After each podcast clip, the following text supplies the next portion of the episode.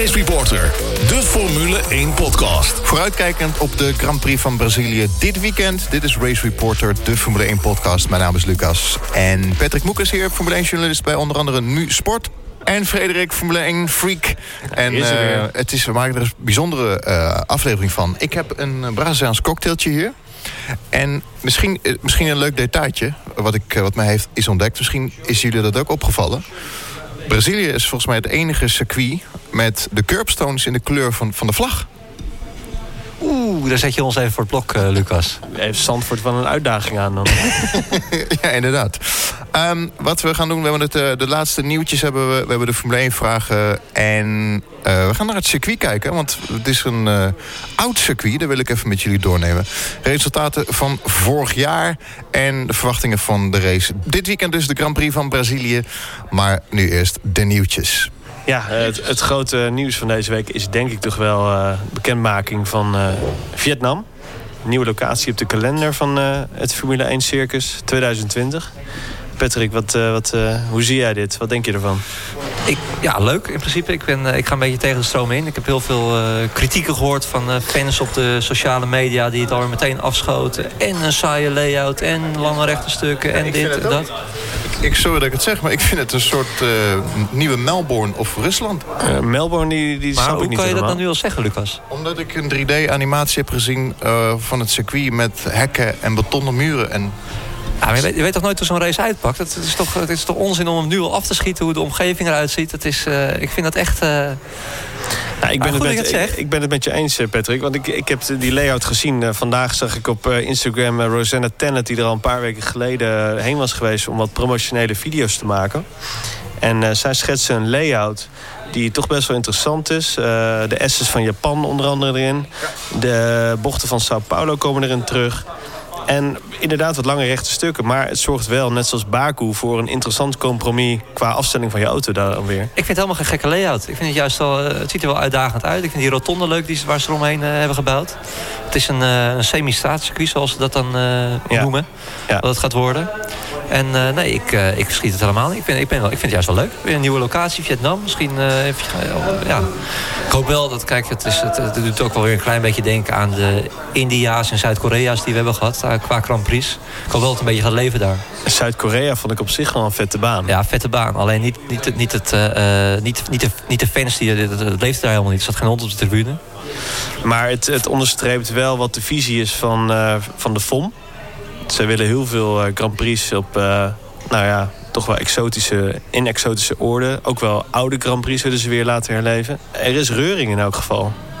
Het is over twee jaar. Heb je de foto's gezien hoe het er nu aan, aan toe gaat? in het is gewoon een, het is gewoon nog een beginnen. betonnen vlakte. Je ziet de tuk-tuk zie je nog rijden. En, eh, het, eh, Een dode hond op straat. Ja.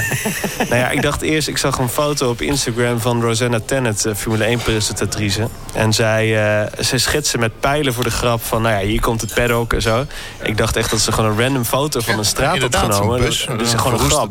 Ja. Maar het is echt letterlijk, er moet daar gewoon nog compleet geplaveid Maar het worden. kan alles. dus wel. Als, dan meteen een bruggetje naar Zandvoort. Het, het kan dus wel, als, het dit, hun, als hun dit lukt. Ja, maar, Maar aan de andere kant, ze hebben het geld al rond. Zandvoort heeft nog geen cent. Ja. Zandvoort had eh, twee jaar geleden al de schop in moeten gaan. Wilden ze dat voor 2020 halen. Ja. Maar eh, Andere dat, discussie, dat is een ander verhaal, daar hebben we het over gehad. Nou ja, als we het over deze Grand Prix hebben, er is veel reuring. Groot-Brittannië zou op de tocht staan. Dat vond ik wel eh, pittig nieuws. De Grand Prix van 2019 is vooralsnog de laatste die in, eh, in de deal zit. is wel al jaren aan de hand. Ik weet wel dat Silverstone is altijd gedoe om op de kalender te blijven. Is altijd ge... Donington was nog even ter sprake. Ja, ja Donington ook wel veel ik zie Formule 1 historie overigens Donington en Brands Hatch niet meer terugkomen. Nee, deze baan, ik bedoel, Brands Hatch, het is een baan die echt... die heeft volgens mij nog een, eh, geen eens een eh, Spec 2 eh, specificatie gekregen van Charlie Whiting. Ik, ik heb altijd het idee met dit soort dingen dat het ook een beetje politiek is. Van, er moet even geld bij. eh, we moeten is- maar even roepen dat, het, eh, dat, dat we het moeilijk hebben. Maar Ik denk dat FOM echt het onderste uit de kan wil van de promotor. En ik denk gewoon dat we na 2019 in principe wel Silverstone eh, op de baan... eh, of op, op de kalender zien. Ja, Ehm, het is gewoon een geldkwestie. VOM heeft aangegeven dat ze wel de klassieke banen toch wel weer terug willen zien. De Spa's, de Monza's en daar hoort de Silverstone ook bij. Ik kan me eigenlijk niet voorstellen dat ze naar een Donington Park gaan... wat gewoon Nee, echt een achterhaalde Nee, dat gaan ze ook niet doen. motorsporttempel is. Dat, dat, dat museum is ook gesloopt, hè? Dat gaan ze ook dicht Hallo, doen. mooi, eh, de Regen Grand Prix met de meeste pitstops ooit. Eh 93, Senna, Prost. Fantastische mooie Grand Het Prix. is 25 jaar geleden. Het is echt... eh, Ik ben een oude man. Dat maakt niet uit. Maar ja, ja, Silverstone heeft gewoon hypermoderne faciliteiten. Het is pas geleden verbouwd. Op- Dit is gewoon een ja. geldkwestie. Ja, dat denk ik ook. Ze gaan er wel uitkomen. Aan de andere kant, denk ik, kijk, je, Vietnam komt er toch bij natuurlijk. Ik maak even een bruggetje naar het volgende nieuwtje. Mogelijk Grand Prix in Zuid-Afrika, waar je zo meteen nog wel over uit gaat eh, wijden. Kijk, de Formule 1 teams hebben wel gezegd... We, dit is wel de max waar we nu aan zitten. Hè? 21 Grand Prix, dat gaan we niet... eh, eh, zij vinden het eigenlijk al te veel. Ik denk dat het juist precies goed is. Ja, ze geven hier best wel een signaal mee af van de huidige Grand Prix. Van jongens, eh, wij zijn on a roll. Contracten zijn niet zomaar meer contracten. Wij willen graag veel reuring in de, het huidige bestand van Grand Prix. Nee, maar die mogelijke Grand Prix in Zuid-Afrika, Frederik. Daar weet je meer over. Nou ja, ehm, some say, zou Jeremy Clarkson dan zeggen... dat ehm, wanneer eh, eh, Cyril Ramaphosa, de mogelijk eh, toekomstige president daar in eh, Zuid-Afrika... als die aan de macht gaat komen, die heeft al uitgesproken... dat hij het land weer terug op de kaart wil hebben. En zo ook met internationale evenementen. En daar zou Formule 1 ook onderdeel van zijn. En er zouden al gesprekken zijn eh, geweest, aftastende gesprekken met de FOM. En laat nu net het circuit van eh Kialami eh, twee jaar geleden door Porsche zijn overgenomen en compleet verbouwd. Wat gewoon een hypermodern circuit is. Momenteel nog een tweede graads licentie van, eh, van de FOM. Maar met een paar kleine aanpassingen zou dat zo'n eerste graads licentie kunnen worden. Die kansen dicht ik eh, nog meer toe aan hen dan aan Zandvoort of Assen. Ik kan me nog goed herinneren, toen we nog geen internet hadden, het was 1992. Op vrijdag waren de allereerste beelden van de eerste auto's rijdend te zien. Kialami, Nigel Mansell, Senna, Patrese in Zuid-Afrika. Ik weet nog die start ook. Ehm, volgens mij had Senna, had Pol, weet ik niet meer zeker. Maar je zag dit twee Williamsen wegrijden. Gave baan. En je wist, dit wordt het jaar van de Williams. Maar een mooie baan, hele gave baan. Onder de rook van Johannesburg. En eh, ik zou heel graag zien eh, dat hij weer terugkomt. Prachtige pitfaciliteiten daar hebben ze daar gebouwd. Porsche heeft daar echt heel erg geïnvesteerd. Mooi. Nou ja, zo gaan we naar de Grand Prix van Zuid-Afrika. En dit weekend natuurlijk de Grand Prix van Brazilië. En als we dan even het lijstje van wisselende Grand Prix eh, hebben. Grand Prix van Brazilië. Dit zou wel eens echt de laatste kunnen zijn. We hebben het net al gehad over Groot-Brittannië. Dat is denk ik gewoon een kwestie van de spijker op zijn kop slaan. Er moeten de laatste de, puntjes op de i worden gezet. En volgend jaar het laatste, want tot eh, met 2019 stond Klopt, tot en met 2019. Maar dat zou voor Brazilië zou ook volgend jaar nog de laatste zijn, volgens Ja. mij. Maar daar zit, is, is het toch wel iets anders. Ehm, er wordt gesproken over Rio, dat ze daar een compleet nieuwe baan gaan bouwen. Eh, de faciliteiten in Sao Paulo zijn best wel achterhaald. En het schijnt dat VOM eh Sao Paulo niet onder het lijstje schaart... als een Monza, een Spa en een Silverstone, volgens mij. Nee, nou, de Eccleston deed het wel. Hè. Die had eh, Interlagos altijd heel hoog, eh, hoog zitten. Eh, wat ik ook wel opvallend vind aan, eh, aan Interlagos... Je, vorig jaar hoorde je opeens over al die overvallen. Ik ben heel benieuwd of het dit, dit jaar ook gaan... Ik denk dat dat ook misschien wel meespeelt. eh, toch wel de Ja, veiligheid het, het, van, is, het is wel, je hoort wel van insiders, eh, hoor je altijd. Het is altijd gedoe om op en af eh, het circuit te komen. Lucas, jij bent daar geweest natuurlijk. Ja, ik ben er in 2015 geweest in mijn eentje. En toen liep ik ook met die gedachte naar het circuit toe. En ik zag onder 100 meter politieagenten. Het is wel beveiligd, maar ik weet wel de verhalen van Jensen Button is er ooit overvallen. Ja. Ja, volgens mij is En- het camerateam van uh, Sico een keer camera ook overvallen, ja. Ik weet dat als je daar voor het stoplicht staat... moet je gewoon twee autoruimtes voor je laten... RTL om te kunnen, leeggeript. om te kunnen RTL eh, wegrijden en te vluchten.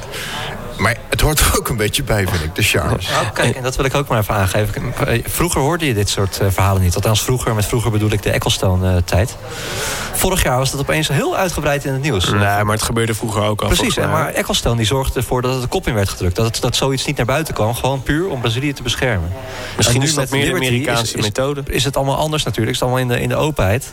En komt ook die... Dit soort dit helpt facetten van buiten zorgen er toch voor dat zo'n Grand Prix op de tocht komt te staan. Precies, want als je kijkt naar het, naar, naar het circuit Interlagos... ik vind het een van de mooiste circuits op de kalender. Echt absoluut, waanzinnig. De locatie vind ik prachtig. Geschiedenis. Geschiedenis, zoveel historie, ongelooflijk. Ik kan me ook niet voorstellen dat hij gaat verdwijnen. Maar ja, met, met, ja je, je weet het niet. En het, wat je zegt, het, dit, dit, werkt niet in, dit spreekt niet in een voordeel. Dan zou het misschien wel uh, volgend jaar de laatste Grand Prix zijn voor uh, Brazilië. Maar de laatste Braziliaan in de Formule 1 uh, ja. is er gelukkig nog niet. Want hij, hij, daar hebben we het over Sergio Sette Camara. Komt over van Formule 2 en wordt test- en simulatorrijder bij McLaren in 2019. Goede stap, denk je? Goede stap voor McLaren. Ik dacht wel meteen, dit is wel einde verhaal voor Nick de Vries bij McLaren. Ja, die, die is, uh, ja, die, die, die heeft, dat, dat kan je wel opmaken. Die, zijn functie komt eigenlijk nu te vervallen.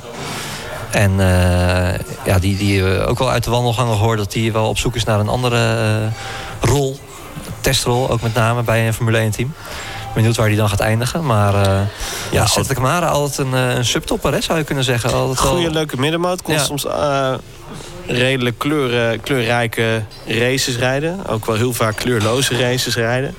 Uh, maar dat is wel het leuke van uh, Formule 2. Je bent uh, soms hero en ook wel soms zero. Dus dat, dat maakt je nog geen eens heel slecht. Ander nieuwtje. Je, je verwacht hem eigenlijk bij Williams. Maar vandaag kwam, of vandaag, een paar dagen geleden kwam opeens het nieuws naar buiten... dat Kubica in gesprek zou zijn met Ferrari. Om ja. daar niet als racecoureur natuurlijk, maar wel als test- en reservecoureur aan de slag te gaan. Of ontwikkelingscoureur volgens mij zelfs. Ja, die heeft ook wel begrepen hè, dat, zijn, uh, ja, dat het hem niet gaat worden bij Williams. Dat is gewoon duidelijk. Hè. Het mist gewoon echt snelheid door zijn handicap. Ja. Heeft zijn beste tijd gehad. Uh, maar ja, ik heb die hand gezien. Dat is echt een stompje wat hij heeft. Ja, en ik denk dat het hem gewoon serieus tijd komt. Hij heeft gewoon echt geen gevoel meer in dat deel van zijn arm. Ik vind het wel, ja, ik zou het hem wel, ik zou hem wel, ik, ik gun hem die kans wel, zeg maar. Omdat, omdat kijk, want wij zeggen hij heeft geen snelheid. Ik denk het ook.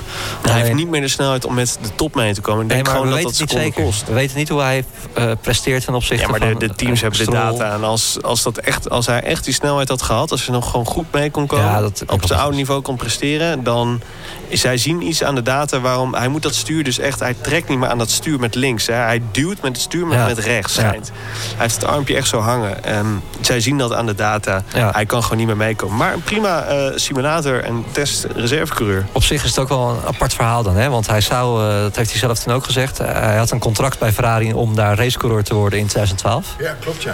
Interessant. En dan gaat hij nu uh, in 2019, zeven jaar later, als ontwikkelingscoureur zou het dan zijn comeback zijn in de Formule 1. Ja, dat is toch ook wel weer een beetje triest of zo. Maar hij lag ergens uh, met honderd uh, spijlen door zijn pols in een een of ander Pools ziekenhuis. Nadat hij in een Skoda door de vangrail was gegaan, ja. een rallyauto. Ja. Treurig. De man heeft er twee engeltjes al verspeeld. Canada. Goeiedag, wat een klapper was dat, zeg. Oh. Canada kwam hij nog redelijk ongeschonden uit, ja. toch? Hij, hij, wilde, hij wilde de week daarna alweer racen. Mocht niet. Maar dat mocht niet. Gewoon vanwege de, de impact van de crash. Maar hij had helemaal niks. Maar los van uh, Jules Bianchi in, in die crash... is dat wel een van de zwaarste crashes die we hebben gezien laatst. Uh... Dit was de zwaarste, denk ik, van het, het moderne Formule 1 tijdperk. Maar ja, daar, daar stapte hij inderdaad ongehavend uit. Maar ik moet zeggen, ik ben een uh, romanticus wat dat betreft. Ik hou het van mooie verhalen. Ik vind het toch wel heel jammer. Ik gun het je, Ik kijk ook vaak graag uh, oude races terug uit dat tijdperk. Die man was zo ongehoord goed. Ja, ja ik, ik vind nog altijd dat hij en... Um, uh, Kobayashi? Kobayashi, ja. Het zijn echt twee uh, ja, ondergesneeuwde talenten eigenlijk. Die hadden het echt super hard kunnen maken. Ja. Hey, dan even een ander nieuwtje. Dat kwam ons ook uh, ter oren deze week. Het werd best wel groot uitgemeten, maar um, ExxonMobil maakte er geen uh, geheim van... dat de samenwerking met uh, Honda tot op heden... om in termen van smeermiddelen te spreken... erg gesmeerd gaat. um, aanleiding daarvoor was de technisch directeur David Tsurusaki... die bij Toro Rosso de honneurs waarneemt qua brandstofmonsters. Acht, acht van de races heeft hij daar geweest. En ik heb daar een theorie over... Ik denk namelijk Theorietjes dat, van Frederik, altijd goed. Komt-ie. Nou ja, je, hoort het waarschijnlijk al aan zijn achternaam. Hij is uh, een Amerikaan met uh, Japanse moeder, vader, denk ik. Ik denk dat ze daar hem daar hebben neergezet om uh, die uh, cultuurkloof best wel klein, of, ja, dichtbij te laten houden. Dus, hij kent natuurlijk de Japanse cultuur. hij spreekt Japans, heb ik opgezocht. dat zou allicht helpen bij de samenwerking met de Honda die al zo heeft. Ja, dat lijkt me, ja, dat, dat lijkt me volkomen logisch eigenlijk. Voor, dat kan wellicht zorgen voor vruchtbare nou ja, samenwerking. Um, ze zeggen dat ze nu al meerdere uh, pk's hebben gevonden. Wat betreft uh, de, de brandstofmengsel. Uh, ze zijn natuurlijk met Mobile One hebben zij, olie, zijn ze oliepartner. En met Esso zijn zij brandstofpartner. Vaak onderbelicht item van de Formule 1 toch wel de brandstof. Het, is, het zorgt, ja, een ultieme verbranding zorgt, kun je zo een paar pk extra uithalen. Ja. Wat ik wel een klein beetje vind rondom al het Honda Red Bull nieuws dat er allemaal naar buiten komt. Het is wel heel erg Hosanna allemaal. Het is, ze, ze zijn nog net geen wereldkampioen. Hè? Het, uh, het is wel, uh, en Ja, er, zal, ik- er zal ook wel reden voor zijn. Alleen het valt me wel op dat het echt... eh, dan hebben ze weer een halve seconde Ja, lees je gepakt. vooral van Nederlandse sites natuurlijk. Ja, en we, we willen het allemaal hartstikke graag natuurlijk. Dat, dat is ook zo. Als ik sommige Alleen ik- bronnen moet geloven, eh, schijnt het dat eh, Red Bull Technologies de, de versnellingsbakken niet, niet kan aanleveren joh, aan, aan al die testbanken die Honda over de wereld heeft ja, fantastisch. En ik geloof ook zeker wel dat, dat die Japanners zich eh, absoluut willen revancheren voor die jaren met, eh, met McLaren. We moeten alleen wel een klein beetje op gaan letten dat we, ehm, dat we in Nederland niet nu al de Polonaise gaan lopen met Nee, dat ben ik met je eens. Maar als je gewoon, als je gewoon nuchter gezien even de cijfers gaat kijken. Ja. eh, een, een Horner en een Marco zeggen dat er nu een voordeel is van Honda ten opzichte van eh, eh, Renault van 16e per, per ronde. Laat het chassis volgend jaar ook nog een duit in het zakje doen. Omdat er minder door de nieuwe reglementen, minder aerodynamische downforce, eh, meer, meer mechanische grip krijgen we. Nou, dat nou juist ook een paradepaardje zijn van Red Bull. Eh, laat ze zomaar 7, 18e. Nou, de concurren- concurrentie zit ook niet stil. Laat ze zo 6, 17e inlopen op de concurrentie. Nuchter, nuchter gezien, natuurlijk moet het hele pakket eh, qua synergie nog steeds werken. Maar nuchter gezien, laat ze er gewoon bij zitten. Ik hoop, ik hoop het van harte. Alleen ja, die, die, die, de, de, de Toro Rosso motor moet natuurlijk nog wel in het, eh, in het Red Bull chassis passen. De Honda is- motor. Of de Ja. Honda motor, sorry. Eh, eh, Kijk, als, als stel ze zouden volgend jaar al een paar tienden erachter zitten. Dat zou al helemaal fantastisch zijn natuurlijk. Ik denk niet dat we moeten verwachten dat, dat eh, Honda nu al vanaf volgend jaar eh, hartstikke dominant is. Ferrari gaat deze winter nog stappen maken. Mercedes gaat deze winter nog stappen maken. Ja, maar de, marge, de marges zijn. zijn voor Ferrari en Mercedes veel kleiner. Die zitten echt aan het plafond van de marges, denk ik. We zagen ook in Oostenrijk al. Daar hebben een bepaalde upgrades uitgebracht. Die, die werkten gewoon niet. En ze, die motoren gingen gewoon stuk. Ja, Bij, nou, bij Bottas was het iets anders, geloof ik. Maar in elk geval, die, die zitten echt te zoeken in hun pieken. Ja. En eh, er is heel veel marge te halen voor een Honda. Dus ik zie niet in waarom ze erbij zitten volgend jaar. Ik roep niet gelijk dat ze kampioen worden. Want je moet kampioen worden als je nog steeds het beste pakket hebt. Maar ze kunnen erbij zitten. En of ze kampioen worden, dat gaan we zien. En ik denk dat je de eerste drie, vier races nodig hebt. Hè. Melbourne is natuurlijk de vreemde eend de bijt. is nooit echt heel veel over te zeggen. Maar laten we ze vier races geven. Om dan eens te kijken hoe, eh, hoe Red Bull Racing Honda ervoor staat. ja, dat lijkt, me, dat lijkt me ook goed. Maar ja, Laten we gewoon even een voors- voorspelling doen. ja Ja, ik, ik, ik, ik zie het roos. Ik zie niet in waar. Ik denk echt dat Max Verstappen volgend jaar glansrijk kampioen gaat worden. Ik denk Ja, het echt. dus ook. Ik, en ik hoop, ik hoop en het dan gewoon even nuchter die feiten van die 16 zat ik na te denken. En ik probeer echt mijn oranje bril echt wel een beetje te, te, te filteren naar een eh, roze bril. Of een niet roze bril. Eh, ja, ik, eh, ik kan wel zeggen dat ik het niet vind, maar ik heb eh, afgelopen weekend bij, eh, bij mijn collega's van Nusport eh, we altijd tegeltjes. Hè, dan eh, zegt iemand wat, dat schrijven we op, voorspelling. Toen zei ik ook van ja, Verstappen wordt kampioen in 2019. De wens is de vader van de gedachte, zeg ik En altijd. dat, hè? dat, dat is het vooral. Maar ik denk dat we al heel blij mogen zijn als ze er gewoon een paar tienden vanaf zitten in het begin van het seizoen. En, En dan, dan- maken ze daarna wel weer een inhaalslag. En je kan, kijk, wat ook zo is, je kan ook kampioen worden met een mindere auto. Dat, dat, eh, je, hoeft niet, je hoeft niet de snelste auto te hebben om kampioen te worden. Je moet er alleen wel bij zitten. de banen waarbij ehm, veel rechte stukken zijn, wordt niet meer hun probleem, denk Nee. ik. En dat eh, er gaan mooie tijden komen. hey, dan even over het budgetlimiet. Nog steeds geen akkoord over, over 2021. En ehm, bronnen zeggen dat er een, eh, gesproken wordt over een budgetcap van 175 miljoen euro. Ik zie dit niet gebeuren persoonlijk. Deze hele budget, dit gaat met Maar een dit- of andere dit speelt toch al persberichtje, als- wordt het straks gewoon naar de prullenbak verwezen. Hier hebben we toch al jaren over. Het, het- het- ja, ik geloof, ik geloof het, ja. En Hoe lang nooit spreken we hier over, over zo'n budget? zolang ik Formule 1 kijk. Nee, dat, En het, is, eh, en het is echt, het, het, het komt, het komt nooit af van de grond. Het- nou ja, kijk, het, wordt, het, het is altijd één probleem. Het wordt altijd tegengesproken door de teams die op dat moment eh, regeren. Ja. En dat is, de, dat is het hele punt. Je, je moet gewoon zeggenschap geven aan... eh, je, je moet die invloed van de teams weghalen. Klopt. Kijk, want anders dan zullen altijd de dominante teams... die zullen het er nooit mee eens zijn. En da- daardoor zijn de kleinere teams altijd de dupe. We zitten sowieso wel in een lastige periode. Hè, qua ook met die fuel flow en zo. En, en Ja. de, de slijtage van de banden. We proberen het spannender te maken. Maar tegelijkertijd proberen we ook te sparen. En mensen zeggen dan van... Ja, we doen dat sparen niet meer. En we gewoon voluit gaan. Ja, maar zo werkt het ook niet. Want dan krijg je net zoals in de Schumacher tijd... dat Schumacher reed ook gewoon twee ronden op kop. Weet je wel. Da- dan over kop gesproken, eentje verder. Eh, ik zag van de week op, eh, op Instagram een foto van de kop van Lewis op een, een Ferrari overal. Ja, top hè. Dat zijn die gekke Italianen Dat was de enige keer ooit dat ik Lewis met een bierbuikje had gezien. Want het was niet helemaal lekker... eh, Ja, Autosprint Italië kwam ermee. Ik denk dat ze een paar Sambuca te veel hebben gehad daar. Maar die, denken, die zijn er heilig van overtuigd. Die hebben Vettel volgens mij al compleet afgeschreven, trouwens. Die is niet capabel. En die zeggen van, nou ja, Hamilton, eh, die willen we wel hebben van 2021. Maar ze willen alles hebben wat, eh, wat, wat, wat, wat hard, harder gaat dan, eh, dan Vettel. En ik, ga- maar dit, jongens, dit kan toch niet? Hamilton naar Ferrari, dat is toch helemaal geen gerucht? Dat is niet eens Maar een gerucht. Hamilton is wel, hij heeft wel gekke streken af en toe. hij is altijd wel van de uitdagingen, de challenges, het belief en zo. Je ziet het niet gebeuren? Nee, uitgesloten. Ik denk nog eerder dat David Coulthard kampioen wordt. En dan... Ja. Maar jij gelooft er wel in, Lucas? Nee. Of eh Frederik, sorry. Nou ja, waarom niet? Ik bedoel, hij is altijd wel. Ik bedoel, als hij, hij is van een. Hij is een man met een missie, weet je wel. Hij heeft zijn missie met Mercedes bereikt. Hij is daar vi- vier keer kampioen geweest straks. Ja, of hij gaat gewoon mode dingen en gewoon rappen. Dat Dat, denk ik zou ook eerder. kunnen. Dat denk ik eerder. Maar- Hamilton die gaat nog door om die, Maar om denk die je nu records van Schumacher te pakken. daarna roll is om die, podi of om die eh, eh, records van Schumacher te pakken? Hamilton is meer dan, dan- dan, de coureur Lewis Hamilton. Hè? Ja. Hij is, als, hij, als hij nu nog twee jaar bij, bij eh, Mercedes blijft... dan is hij ook een soort Mercedes-icoon. Net zoals dat Schumacher een icoon wordt van Ferrari. Hij gaat er alles aan doen om die records van, eh, van Schumacher af te pakken... om zoveel jaar eh, kampioen te worden met, met Mercedes. Hij is, hij is een Mercedes-icoon. En hij, Klopt. hij, kan, hij kan niet naar Ferrari gaan. Hey, dan gaan we van eh, Schumacher naar Felipe Massa. Wie was zijn race engineer toen de tijd? Weet je het nog? Rob Smedley. Rob Smedley. De beste man is nu head of engineering, of was beter gezegd head of engineering bij Williams.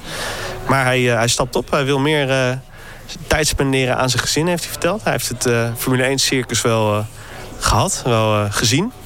En het frappante van het bericht vind ik overigens dat, ehm, dat er eigenlijk geen opvolger is aangekondigd voor head of engineering. Toch wel een belangrijke post. Nou ja, en een hele grote naam ook, hè, Rob Smedley.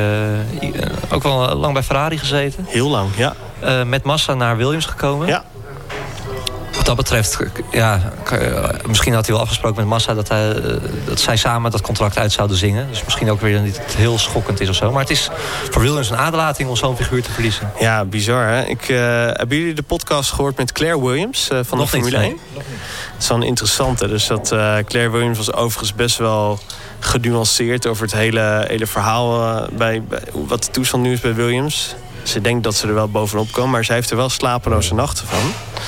Maar ja, Over dat die- met met Smedley? Of, of, of- Nee, maar gewoon de, de, de, de, staat van Williams. De staat van Williams Ja. op dit moment. Zij heeft daar gewoon slapeloze nachten over.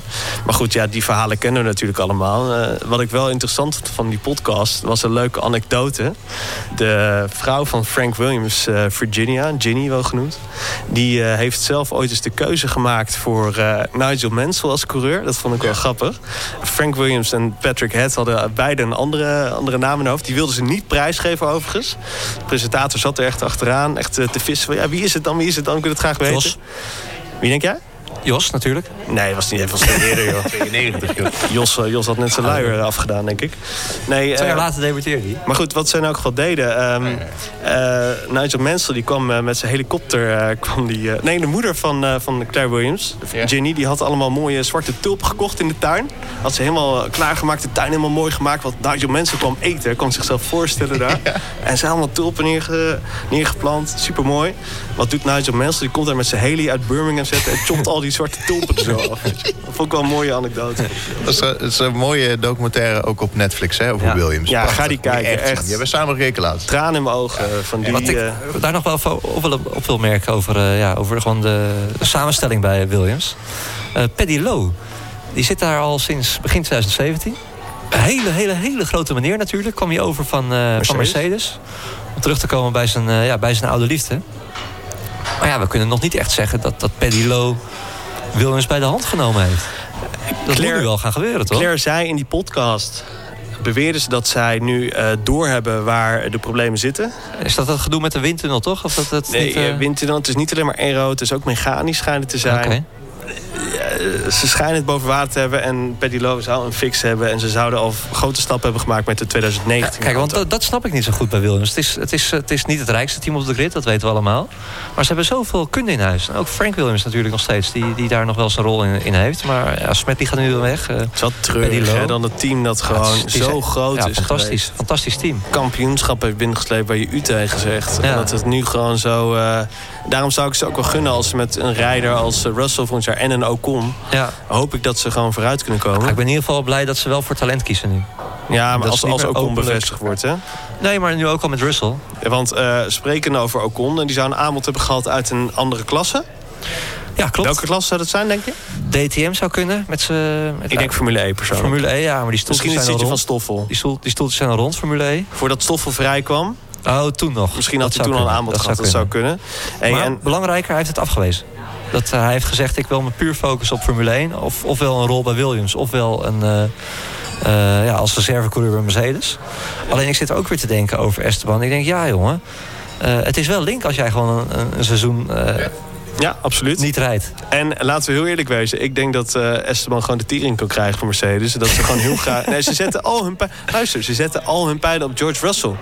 Die gast is daar... Die komt altijd in beeld. Ik weet niet, dat Mercedes die... Ik bedoel, hij is gewoon het, het vijfde wiel aan de wagen, Esteban Ocon. Leuke jongen, heeft heel veel snelheid. Maar het megatalent waar iedereen het over heeft... In mijn ogen is hij het niet. Het is een hele snelle jongen. Versta me niet verkeerd. Hij, uh, in de kwalificaties maakt hij uh, Perez af. Sergio Perez, 15-4.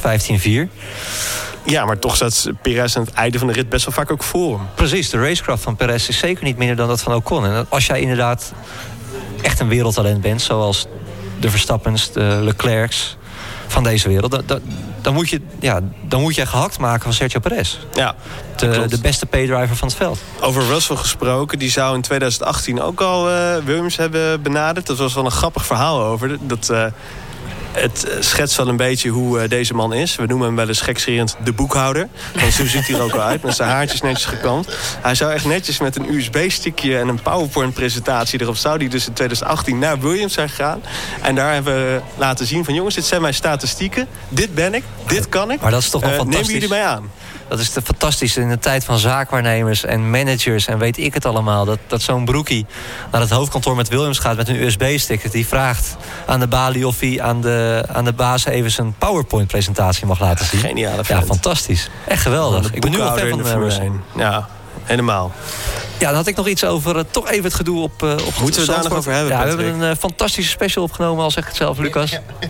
Luister hem vooral, is tijdloos, kan je nog staan. Jongens, die Grand Prix gaat er niet komen in Ja, dat is een andere discussie, Vrede. Ik was er weer niet bij, hè, de vorige keer. Nee, nee, nee. Ik nee. mocht mijn mening gewoon niet vinden. Jullie hebben me nog gewoon expres erbuiten gehouden. niet omdat ik kamp Assen ben, maar gewoon... Het gaat niet gebeuren, mensen. Ik geloof het, ik ben het helemaal met je eens. Goh, kom maar op nou, jongens. Ja, het, het, moet ik, toch... Ik wil, je willen en kunnen. Ik wil het heel graag, maar ik, ja, het gaat niet gebeuren. Ik, uh, nou, de, de, wens is de vader van de gedachten, altijd. Nee, maar hè? er is wel meer. Het is best concreet, maar dat wilde ik helemaal niet, uh, niet, uh, niet zeggen. Ik wilde zeggen, we hebben ze toen al even aangehaald. Die vreselijke organisatie, dat rust aan de kust gaat doen. Ja. Dat zijn de mensen die... De, de Het lijkt wel een bakserie, joh. Rust aan de kust. Ja, ja vreselijk. Een paar oudjes die met een, met een camper zo uh, maar in de duinen gaan zitten. Precies. Maar mijn punt is... Die, uh, kijk, als, als, als er een artikel over Formule 1 op Zandvoort gemaakt moet worden... dan moet je altijd voorstanders... maar je moet ook tegenstanders hebben. Dat is, dat is allemaal journalistiek ethisch verantwoord. Dat klopt allemaal wel. Alleen, het, zijn, het is een hele kleine groep mensen van die rust aan de kust... die, uh, die, die Formule 1 daar niet willen hebben. Als jij alle Zandvoorters... Als jij aan Zandvoorters of Haarlemmers vraagt... de meeste mensen die willen allemaal Formule 1. Dat hoort bij de regio. We komen, Lucas komt ook uit, uit deze regio. Dat circuit, dat hoort gewoon bij ons. En zo denken 9 van de 10 mensen erover. En dat rust aan de kust, dat, dat, uh, dat ventileert zichzelf alsof ze uit, allemaal uit Zandvoort komen. Dat, is, dat is ook al niet waar. Maar die krijgen zoveel aandacht van iedereen. En daarom wil ik er ook nu over ophouden met praten. Want er is een, er is een, uh, een tegengeluid gehoord. Jawel, ik zag het in de GoMax fangroep. Uh, onze grote vrienden. Ja. De helden, die, hebben een, die zijn een petitie gestart. Of dan, in ieder geval, die hebben een petitie ge, gepromoot... om een, om een tegengeluid te laten horen van... wij willen wel een circuit op Zandvoort. Dus ja. google even naar petitie circuit Zandvoort. Sla de bovenste twee open over, want dan krijg je weer meteen die tegenstanders uh, voor je neus. en uh, ja, vul het in. Want uh, ik, heb, ik heb net even gekeken. Een, of, de, de voorstanders hadden al bijna 2,5 keer zoveel handtekeningen als de tegenstanders. Alleen die groep die hoor je nooit omdat de, uh, ja, de reguliere media die moeten altijd een tegengeluid laten horen. Alleen die, even, even dat, heel dat dat, bekeken, hè? deze voor- en tegenstanders. Is allemaal leuk en aardig. Maar uiteindelijk gaat het toch om dat we gewoon een paddock hebben... dat zo klein is als uh, bij mij de kermis in het oude dorp daar kan toch geen Formule 1 circus komen? Ik bedoel... Nou, ik weet het niet. Als, uh, als, als, die, als Prins Bernhard zegt van ja, wij hebben alle, alle plannen waar je, of uh, al die kritieken waar jullie het over hebben, die hebben wij al lang opgelost. We hebben alleen nog één klap met de hamer nodig om dat, uh, om dat op te lossen. Ik denk ik gewoon dat ze dat Red Bull Energy Station gewoon op het strand moeten zetten naast nou ja, BLM 9 of zo. Weet je wel? Of gewoon, maar waarom, waarom zouden ze dat niet kunnen doen? dat is? Een, pad, een paddock op, op, het, op het strand. Maar waarom... Ja, nou, dat, dat wou ik net zeggen. Oh, sorry. Maar waarom breken we die tribune niet af? Dat ding is toch wel oud, het verf bladdert er vanaf. En dan doen we de pitstraat aan de linkerkant. En de paddock. Ja, ik ben voor. En de binnenkant van het circuit, weet ik veel, fans, een, een draaimolen, whatever. Maar inderdaad, de, de paddock op het strand. Maar naast BLM 9. Maar er staat nu een camping. Kijk, wij, zijn, wij, wij, fantaseren erover, hè, maar Nederland is een hartstikke in, uh, informatief land. Waarschijnlijk hebben, ze die, waarschijnlijk hebben ze die plannen al hartstikke... Die liggen, al, die liggen er al. Ik, ik, ik, ik, ik, ik wil het geloven. Ik, of, of onder het rechte stuk. Gewoon een paddock onder de grond.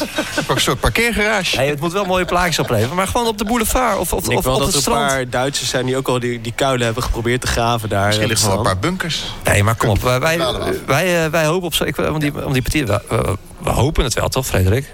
We zouden het leuk vinden. Het, uh, absoluut. Ik wil heel graag de race terug op Zandvoort. Alleen, en, ik ik, denk alleen, en het was mijn punt, want het waren nu inderdaad een beetje. Het was mijn punt om die tegenstanders, die moeten een beetje tegengas nee, geven. Goed. Want ik word er helemaal scheidsziek van dat die mensen altijd maar een podium krijgen om een uh, Ik ben het helemaal met je eens, maar reëel gezien, deze race gaat er in 2020 niet komen. Punt. En dat, dat, dat is gewoon onmogelijk. En als het er wel komt, geef ik jullie hier nu allemaal bier.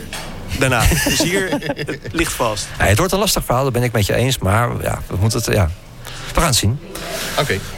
Dit is Race Reporter, de Formule 1 podcast. En zoals iedere week schakelen we met Erwin van motorsport.com. Goeiedag heren. Ik ben uh, momenteel helaas niet op het autodroom José Carlos Pache in Sao Paulo, maar gewoon in Nederland. Uh, na de race in Austin en Mexico blokkades te hebben verslagen, is er nu de beurt aan mijn Russische collega Oleg Karpov om de laatste twee races in Brazilië en Abu Dhabi te doen.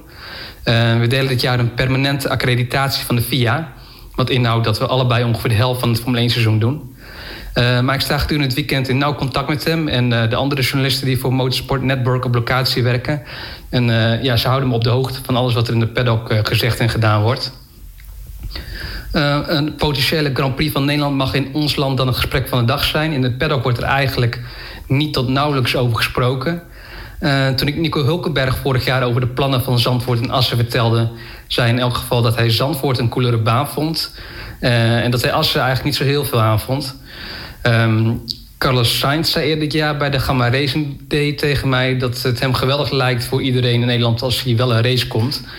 Um, Lewis Hamilton die had het er eerder dit jaar ook nog over. Uh, dat hij Assen wel een gave baan vindt.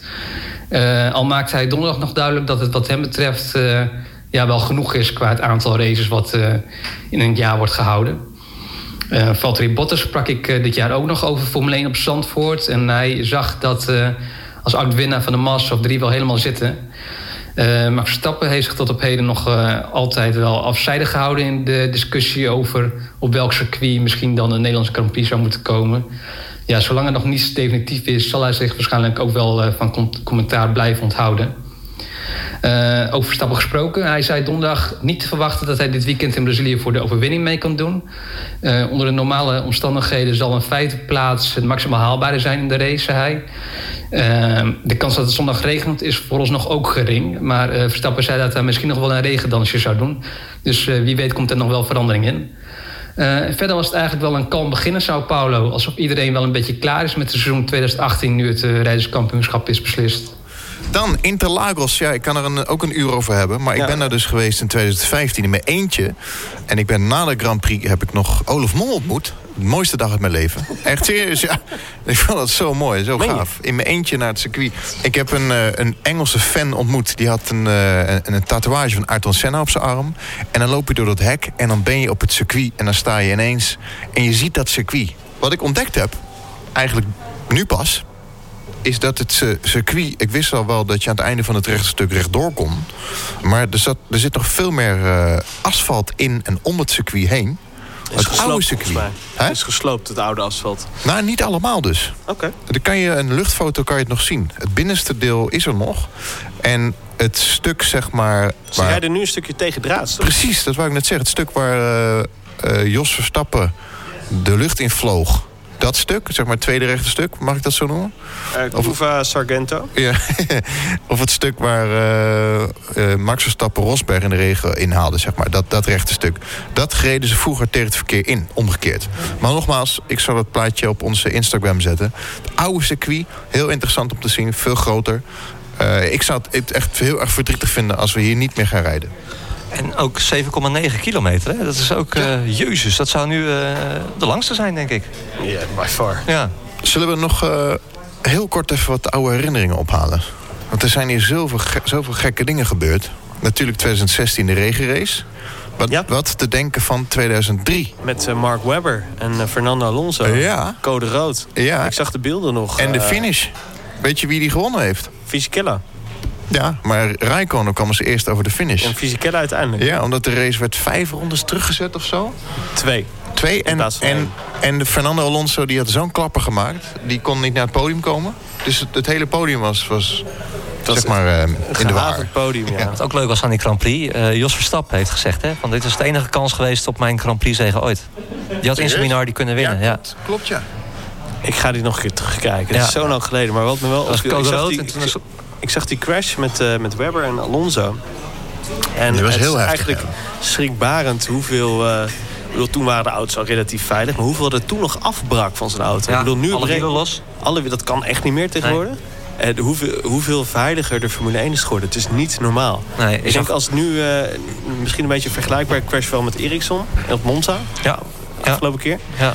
Als je de, zag hoe die auto eruit zag. Nou, misschien Alonso in eh, eh, 2015 in Australië. Ja, over Dat was het laatste, ook wel echt een hevige crash.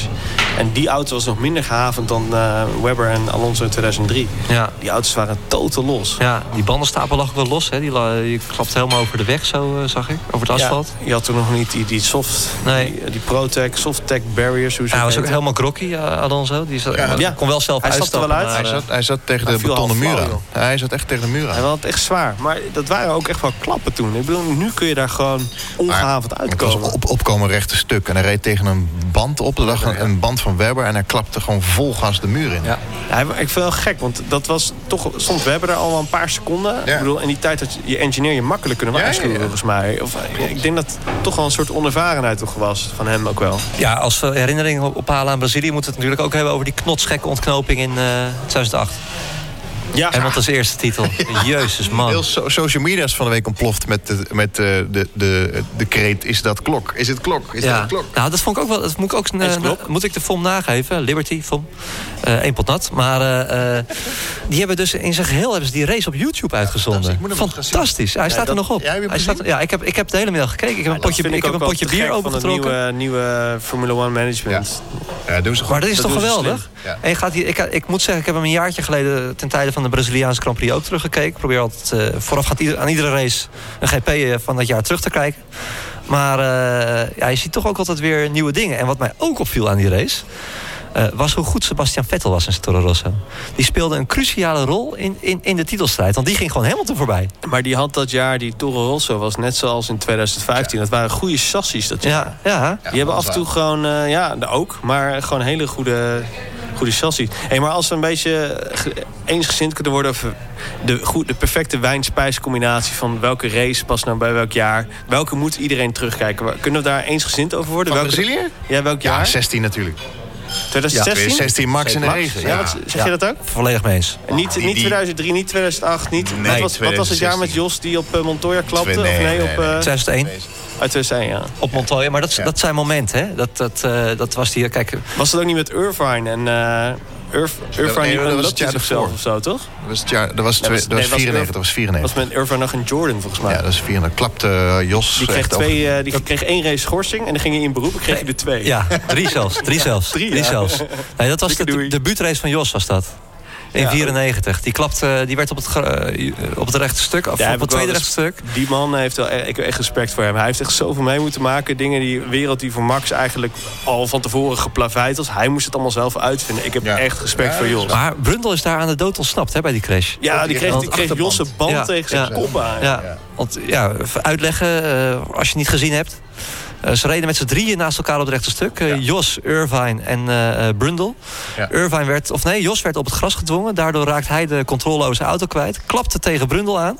Sloeg over de kop. Maar Brundle had helemaal niks. Nee, en, en, en Verstappen, die, Verstappen senior dus, die, die, die raakte met zijn wiel het helm, of de helm van eh Brundle. En toen zaten En ze ze- toch en hoog in de cockpit. Precies, en die helm van Brundle die is in tweeën gespleten. Ja, het vizier, dat, dat zag eruit, joh. Maar hij Maar hij kon stond gewoon doorlopen. En er was niks aan de hand. Die reed, ja, die Sowieso gewoon- mannen als Herbert en Brundle, wat die allemaal meegemaakt. Echt pinnen hun enkel, alles. En die lopen nog steeds rond. Ja, eh, bizar. echt bizar.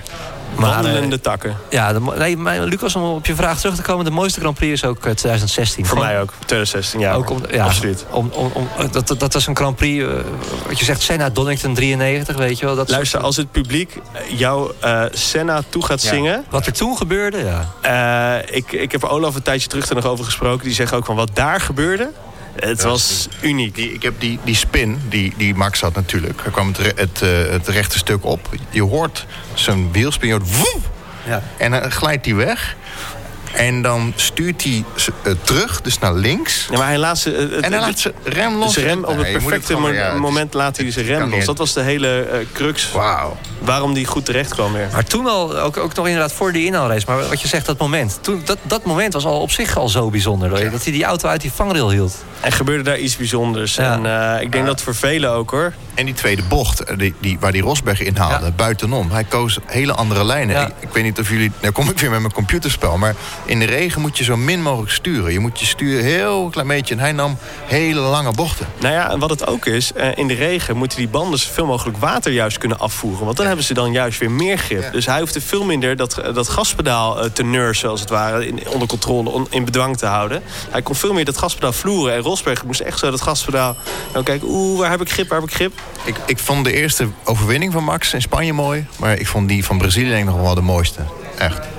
Ja, Brazilië was wel zijn mooiste podium ever. Wat, wat, waar hij ook veel lof voor kreeg, was dat hij toen die achter de safety car reed... dat hij ook al die andere lijnen zat af te tasten. Iedereen Ja, zat een beetje zat te slingeren. En eh, hij reed echt zulke gekke lijnen achter die safety car. Dat, dat, dat, dat, dat, de coureurs zeiden achteraf ook van... ja, wat, eh, of ze vroegen over de boord zelf van... what's, what's Max doing, weet je wel? Van, wat, wat, eh, Zelfs wat, Lauda hij deed... in hemelsnaam eh, mee bezig? En achteraf bleek hij gewoon te zoeken van... waar heb ik grip, daar heb ik grip. Oké, ik kan nog een beetje naar links, nog een beetje naar rechts. Zelfs Lauda deed zijn petje af Ja, de afloop. Fantastisch. hij niet zo vaak Nee. voor Jos. Ja. Voor de tv was echt, Nee, echt. eh, Die race heeft hij zichzelf echt onsterfelijk gemaakt. Ja. En, eh, ja, top. Uniek moment in de Formule 1-historie.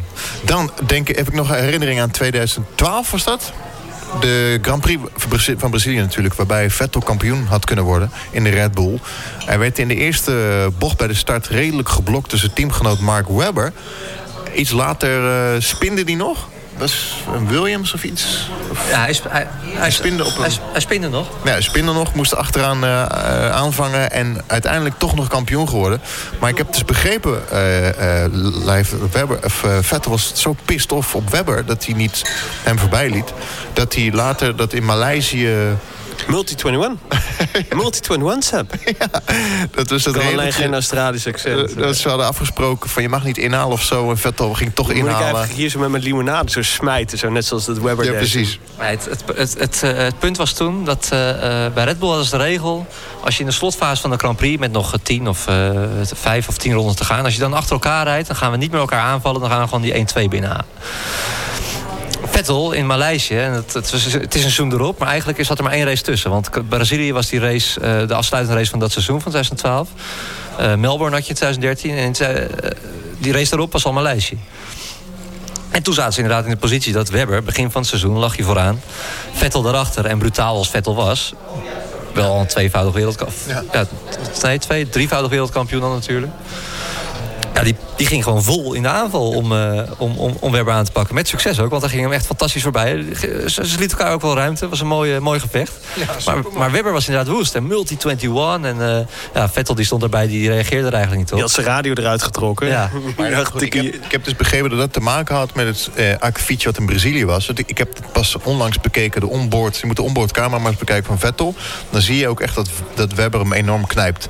En dat doe je natuurlijk niet aan het einde van het seizoen als je teamgenoot. Moet je je voorstellen dat Bottas nu eh Lewis gaat blokkeren voor terwijl die kampioen. eh, je, Kan niet. Nee, dat kan gewoon niet. Kan Dat is te bizar voor woorden. En uh, nou ja, wel mooi. Ik vind dit soort verhalen vind ik altijd schitterend. en ook wel, ik vind het ook wel weer mooi van Vettel dat hij dat gewoon doet in mijn lijstje, toch? Aan het begin van het seizoen, ja. Dat is echt een racer die geen genoegen neemt met P2. Gewoon lekker de rijdersbriefing aan je... Uh, ja, je reet ermee, zeg maar, om het zo maar even te zeggen. wil top, ik wil gewoon winnen. Ja, schitterend. schitterend. Maar dat betreft lijkt hij best wel op Max, zeg. Nou ja, inderdaad, wat je zegt. Maar dat zijn toch echte kampioenen? Vettel viervoudig kampioen, Max aanstaand kampioen. Race Reporter, de Formule 1-podcast. RaceReporter.nl Laten we dan even kijken naar de Grand Prix van vorig jaar. Ehm, wat gebeurde er met Lewis? Die had een uh, zeldzaam foutje in de kwalificatie. Een tankslepper, hè, bijna. Verloor hem daar. Ja, nee, geen eens een tankslepper. Hij greep gewoon weg, die auto. Net zoals dit jaar. Uh, hij was kampioen staat er toch misschien even net wat minder uh, druk op. En uh, zijn enige foutje in een hele lange tijd. En volgens mij ook zijn laatste fout die ik me kan herinneren van. Ja, ik weet wel, je had, vorig jaar had je die shark fins die nu niet meer mogen. Maar um, er stond er best wel een behoorlijke wind. En volgens mij had het ook met uh, de kanteling van waar de wind vandaan kwam had het te maken. Ja, zou kunnen. Het is, uh, het is Schumacher ook een keer overkomen, precies dezelfde bocht. 2004 zag ik uit mijn hoofd? Uh, zou kunnen zou kunnen. Ik weet dat de auto in ieder geval in de brand vloog. Dus misschien is er iets met die bocht. Dat kun je ook niet meer voorstellen hè, tegenwoordig dat ze in de brand vliegen, die auto's. Vorig jaar Pol voor Sebastian Vettel tweede... Uh, nee, sorry, Bottas had hij vorig jaar Pol. Vettel tweede, Raikkonen drie. Verstappen deed het heel goed hier vorig jaar vierde. En zijn teamgenoot Daniel Ricciardo vijfde. En dan heb ik het natuurlijk over de kwalificatie. Verstappen zat er vorig jaar als zestiende vanaf. Ik denk dat, dat de auto's van nu en vorig jaar best wel vergelijkbaar zijn met, uh, met elkaar. Uh, Verstappen was in Mexico twee tiende sneller dan, uh, ja, dan Vettel in de kwalificatie. Dus ik denk ook niet dat we nu moeten verwachten dat Verstappen opeens hier ook voor. Jij wil je nu al wagen aan een voorspelling?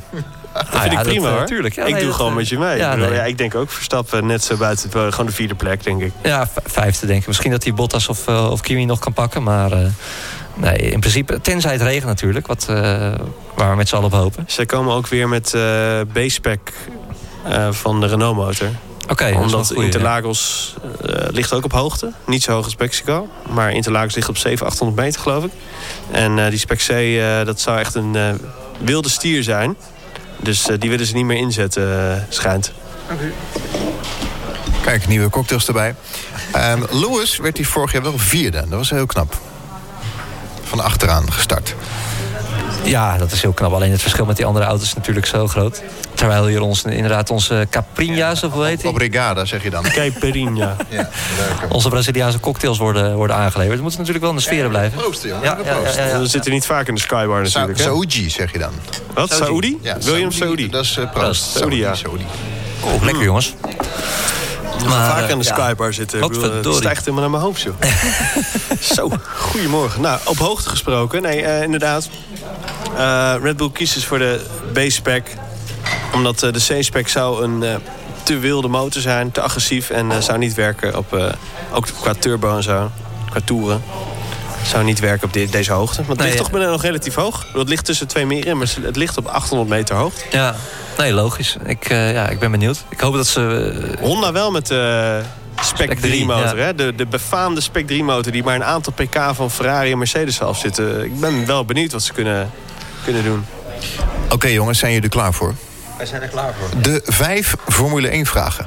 Lewis Hamilton heeft hij maar één keer gewonnen. Dat was 2016. En uh, de laatste Braziliaan die hier won was Felipe Massa in 2008. Natuurlijk met tranen in zijn ogen, omdat hij maar 100 meter, oh, 32 seconden kampioen was natuurlijk. Wie won de Grand Prix van Brazilië het meest? Ja, dat vraag. Wie won hem het meest? Dus denk niet wat je verwacht. Niet spieken. Alain Prost. Wat goed van jou. Laat er helemaal neer. Ja, heel goed. Is het waar? Ja, ja, ja. Maar, ik, maar, nee, maar oprecht, nee, maar ik heb alleen dit lijstje voor me. Dus ik moest hier heel snel spieken. Hoe vaak zie ik Ellen Prost? Ik zie Ellen Prost wel vaak. Ik ga het dat wel zeggen. De standaardvraag, die als tweede. Welk team won hier het meest? McLaren. Ja, heel goed. McLaren. Dus, dus bijna iedere keer. Dan de derde vraag. Ja, Brabham ook um, veel, hè? Noem drie Braziliaanse Formule 1-coureurs... die de Grand Prix van Brazilië hebben gewonnen. Dus, dus, noem niet drie Braziliaanse Formule 1-coureurs... nee, maar ook echt, die hem ook echt gewonnen Senna? hebben. Senna heeft hem gewonnen, toch? Zeker. Ja. Piquet? Ja, heel goed. Felipe Massa natuurlijk. En Fittipaldi? Heel goed, je noemt er vier. De vraag was Zijn, drie. En dat zijn, of zijn er nog meer? Zijn er nog meer? Nu is het Carlos eh Carlos, Patje. dat is ook circuit. Carlos Patje? Carlos. Patje, zo hallo. Oké jongens, dan de vierde vraag. Dit is een leuke. De Braziliaanse Grand Prix van 2002 mocht afgevlacht worden door een speciale gast. Dat hebben ze twee keer gedaan in de Formule 1, volgens mij. Ook in Canada, dat ging ook mis. Als ze Ja. laten we het nog een keer doen, ging ook mis. Ja. Daar is iets mee. Maar in 2002 ging het dus ook mis. Ja, wat deed hij ook De- de- alweer? nou, die man vergat, eh, die vergat de vlag te Nee, wuiven. hij liet toch, de, hij liet nee. toch die stok flikkeren op het Nee, rechtste? nee, nee, helemaal niet. Hij zat niet op te letten. Ik weet het nog heel goed. Hij zat, Gewoon een praatje te hij, nee, hij, zat, hij, zat, hij had totaal geen idee waar hij mee bezig Hij was aan het hoog Pelé, houden hè? met een bal, denk ik. Ja, Pele, Pele, hij zat om zich heen te kijken zo. En toen kwam Schumacher eraan. En hij zat, zo, hij zat te zwaaien naar het publiek. En, weet, en hij, hij vergat te vlaggen. Hey, maar wanneer was het keer... Er was toch ook iemand die liet die, die finishvlagstok flikkeren op het rechte stuk? Ja, dat was Indianapolis volgens mij. Ja, dat maar dat was een blauwe vlag, ja. Maar de vraag was dus, wie was die man? Maar je hebt het al gezegd. Pelé, heel goed. Ja. En dit jaar is dat een beetje hetzelfde geweest. Hè? Dat, eh, dat hij in Canada, dat, dat, dat model, die vriendin van Lewis Hamilton... dat hij te vroeg afvlachte. Dan de vijfde vraag. Het is een makkelijke. We blijven in Brazilië natuurlijk. Ayrton Senna won drie kampioenschappen, 41 overwinningen en 80 pols. Waar is Ayrton Senna geboren? Ik wist het zelf ook niet, hoor. Ja, eh, niet in Sao Paulo. Nee, niet dan, denk ik. Jawel. Jawel. Ja, Is hij in Sao Paulo Geboren in Sao, Paulo. Sao Paulo. Ah, en oh, oh, we gaan nog even eh, promotie maken. Je moet het boek van eh, Olaf en eh, Erik Hoebe lezen. Die zijn naar Brazilië geweest met z'n tweeën. Die zijn door al zijn geboortes... eh, Want daar heb jij totaal geen aandeel in in dat boek. Of, eh? Nee, nee, nee, heb ik, niks, heb ik niks, helemaal niks aan Ah, oké. gedaan. Nee, echt zeker Deze niet. niet. Nee, die hebben echt een fantastisch boek geschreven. Die zijn naar de, eh, naar de straten gegaan waar, waar Senna opgroeide. Ze zijn gewoon daar rondgelopen in zijn in zijn- in zijn buurt. Vet. En met mensen gesproken, naar cafés gegaan. En ja, die, die, dat kan je je niet voorstellen. Maar die man is daar gewoon echt zo'n ongelofelijke legende. Dat moet je echt, dat, moet- dat moet je echt een must-have voor iedere F1-fan. Dat is echt eh, ongehoord goed. Hoe, eh, eh, die, die Brazilianen daar, die gingen vroeger met z'n allen gewoon eh, Formule 1 kijken hè, op, op zondagochtend. Nee, maar, maar hoe, hoe, Formule 1, dat, we hebben nu geen Braziliaanse coureur. Maar tot met Senna was het. eh, dat Formule 1 was hartstikke groot. Die, die werden, mensen werden op zondag, die gingen met z'n allen ontbijten. En die gingen zondagochtend gingen ze de race kijken. Dat was natuurlijk in Europa middag. Het is een beetje hoe Nederland eruit gaat zien na 2020, hè, als de Grand Prix in Zandvoort er is natuurlijk. Ik, eh, ik, ik weet nog dat Ayrton Senna overleed. Maar het was hetzelfde jaar dat Brazilië kampioen werd. En toen hadden ze dus eh, in de krant... eh, full, full page aan de ene kant het verdriet van Senna... en aan de andere kant de overwinning van het voetbal. Die, die begrafenis van, van Senna, dat was een eh, nat, nou, hoeveel nationale rouwdag... of een rouwweek, geloof ik. Ja, maar als je die beelden ziet, niet Ja. normaal. Maar ja, ik, ik kan iedereen aanraden om op Netflix nog te... Hij staat erop nog, hè. Tot, ja, eh, dat is tot verplicht kijkvoer. Be- inderdaad. ja, gewoon kijken, moet je gezien hebben. Williams documentaire en Senna Ik van documentaire. Senna, ik kijk ik altijd alleen. Of die, gekeken, omdat ik dan echt in huilen uitbreid. Als je die hoort de toevalligheden van zijn overlijden. En het is bijna eh buitenaard, zeg maar, wat er gebeurt. Hoe zeg je dat? Hemels. Maar het was echt een hele mooie man. Nee, maar En, serieus. maar het, het, hij had ook gewoon heel veel maatschappelijke... Ja, zeker. Hij bracht mensen bij elkaar. En Brazilië is natuurlijk best een arm land. En de Senna Foundation uiteraard. Precies. Kansarme jongen. En, maar daar kunnen wij ons allemaal geen besef van maken. Hoe, die, die man was zo groot. En eh, ik vind het ook wel jammer. Ik ben een beetje na die tijd... Ik heb Senna, Senna nooit echt zelf op tv zien racen. Zie- Nee, was ik, daar ben ik, te, ben ik te jong voor. Ja, ik was toen ook eh zes, Weet jij er nog iets van? Ja, ik, ik, begon, nee, ik begon met kijken vanaf 5, 96. Denk ik wel een beetje. Jij wel, Lucas? Ja, absoluut. Ik was helemaal geen fan van Senna, zou ik je eerlijk zeggen. Nee, echt? Ja. Nee, maar dat, sorry. Maar ik was, ik was groot... Nee, maar luister, ik was groot fan van Nigel Mansell. En zijn grootste rivaal was Ayrton. Senna. Dus ik was geen fan van Senna. Maar na, na zijn dood ben ik echt wel fan van hem geworden. Ik vond Nigel Mansell echt een robot. Zo'n zo'n zo'n, eh, boterhammen met kaasman, zoals ze in die documentaire zeiden Ja. van Williams. Maar laten we nog even over in die, in die Senna-sferen blijven. Dat vind ik wel, wel leuk eigenlijk. Ja. Hoe goed zou Senna in dit rijdersveld zijn, eh, zijn geweest? Is hij een Hamilton of is hij Verstappen, Verstappen? Ja, Verstappen. Absoluut. zonder enige twijfel. Ja. Hij had het... eh, hij, ehm, ik, ik las gisteren zo'n bericht dat... ehm, Verstappen is eigenlijk geen eh, een rijder die niet, niet van nadenkt... maar gewoon echt beyond the limits gaat... van wat mogelijk is met zo'n auto. En hij kon dat ook. Ja.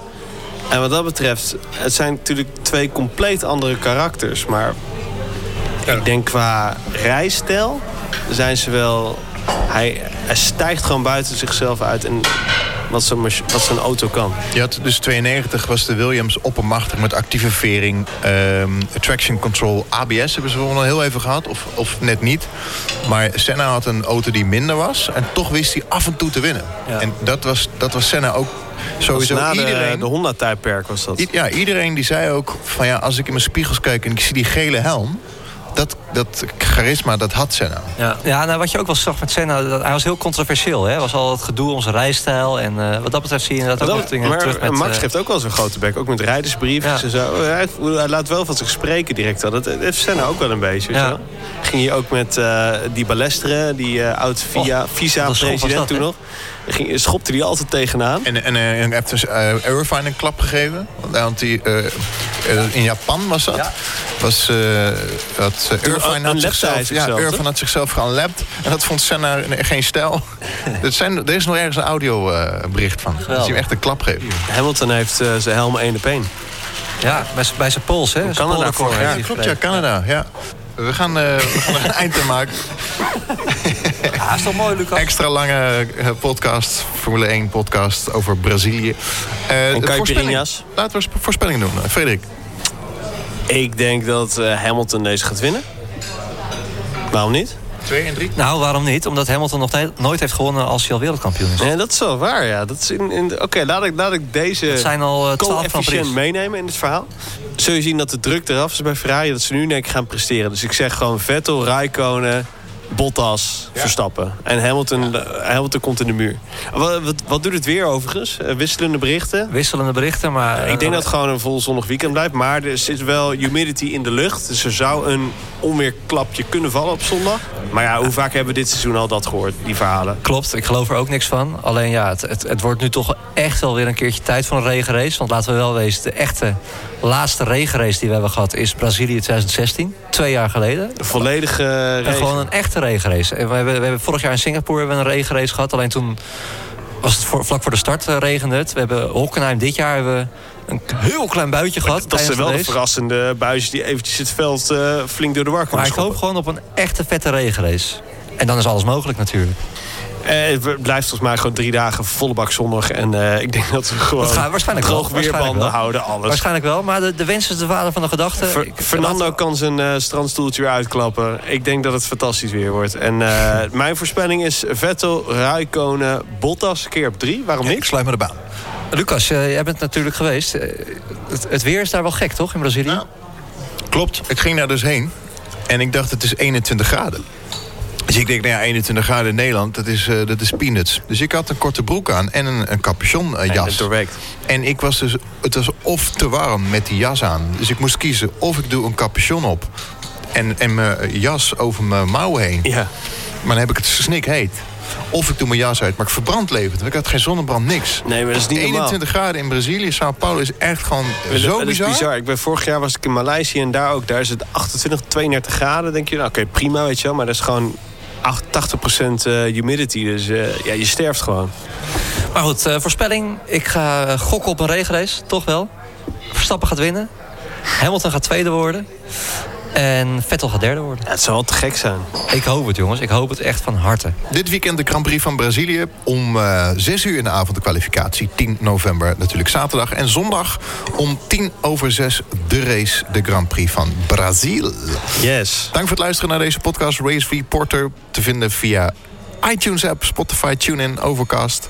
En als je geen app hebt, je kan ook online luisteren via podcastluisteren.nl onder het kopje sport. En we zijn te vinden op Instagram, instagram.com slash racereporter... met daar een fotootje van het oude circuit.